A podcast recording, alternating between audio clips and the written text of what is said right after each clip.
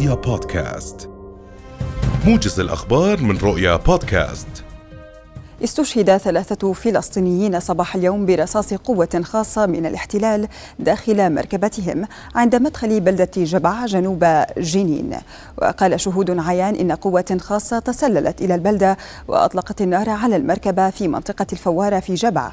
وأضافوا أن قوات كبيرة من جيش الاحتلال اقتحمت البلدة ونشرت القناصة على أسطح المنازل. وأعلن أعلنت عفوا كتائب شهداء الأقصى أن عناصرها تصدوا الرفض بإطلاق النار المباشر باتجاه قوات الاحتلال. هذا وأعلنت وزارة الصحة الفلسطينية عن استشهاد طفل متاثرا بجروح أصيب بها جراء إطلاق قوات الاحتلال الإسرائيلي النار عليه خلال اقتحامها جنين قبل يومين.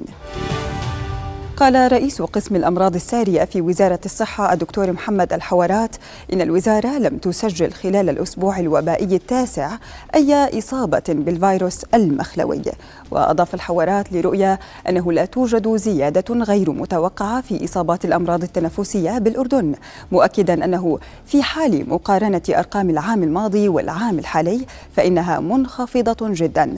وأوضح أن الوزارة تبلغ بكافة الأمراض التي ترد للمستشفيات والمراكز الصحية في الأردن.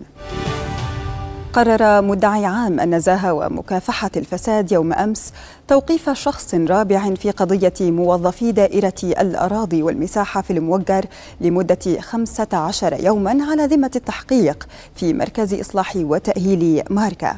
وبينت التحقيقات أن الشخص الرابع كان يتدخل في إتمام عقود البيع بالتنسيق مع ثلاثة موظفين آخرين حيث اختلسوا مبلغ 264 ألف دينار من معاملات عقود البيع خلال 13 شهرا. وكان مدعي عام النزاهة ومكافحة الفساد قد قرر توقيف ثلاثة موظفين في دائرة الأراضي والمساحة يوم الثلاثاء بجناية استثمار الوظيفة والتزوير وإهدار المال العام. أوعز رئيس ديوان الخدمة المدنية سامح الناصر بالتعميم على الدوائر والمؤسسات الحكومية للإسراع في استكمال المراحل التأسيسية لمشروع ربط الأداء الفردي بالمؤسسي ضمن الدفعة الأولى من الدوائر التي تم الانتهاء من تدريب العاملين فيها على استخدام النظام الإلكتروني الخاص بالمشروع.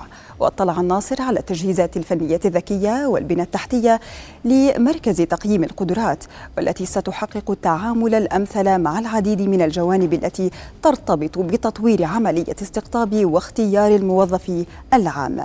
وبين الناصر أنه سيكون للمركز دور مهم في تنمية وتطوير واكتشاف المواهب والميول والاتجاهات لدى الموظفين وتعزيز مبادئ الجدارة والاستحقاق لإشغال الوظائف في القطاع العام.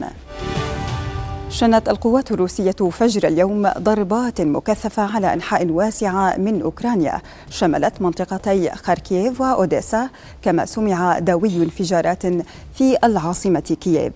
وقالت الإدارة العسكرية في كييف اليوم إن الدفاعات الجوية تصدت لأهداف في سماء العاصمة.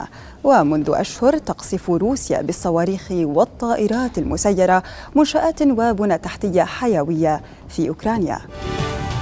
أطلقت الشرطة اليونانية القنابل المسيلة للدموع على متظاهرين ألقوا قنابل حارقة خارج البرلمان احتجاجا على أسوأ كارثة قطارات في البلاد مطالبين رئيس الوزراء بالاستقالة.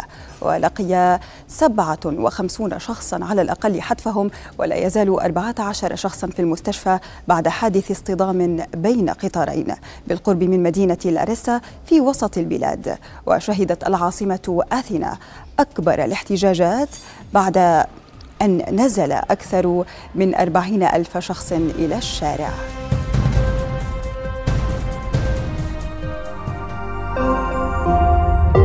رؤيا بودكاست.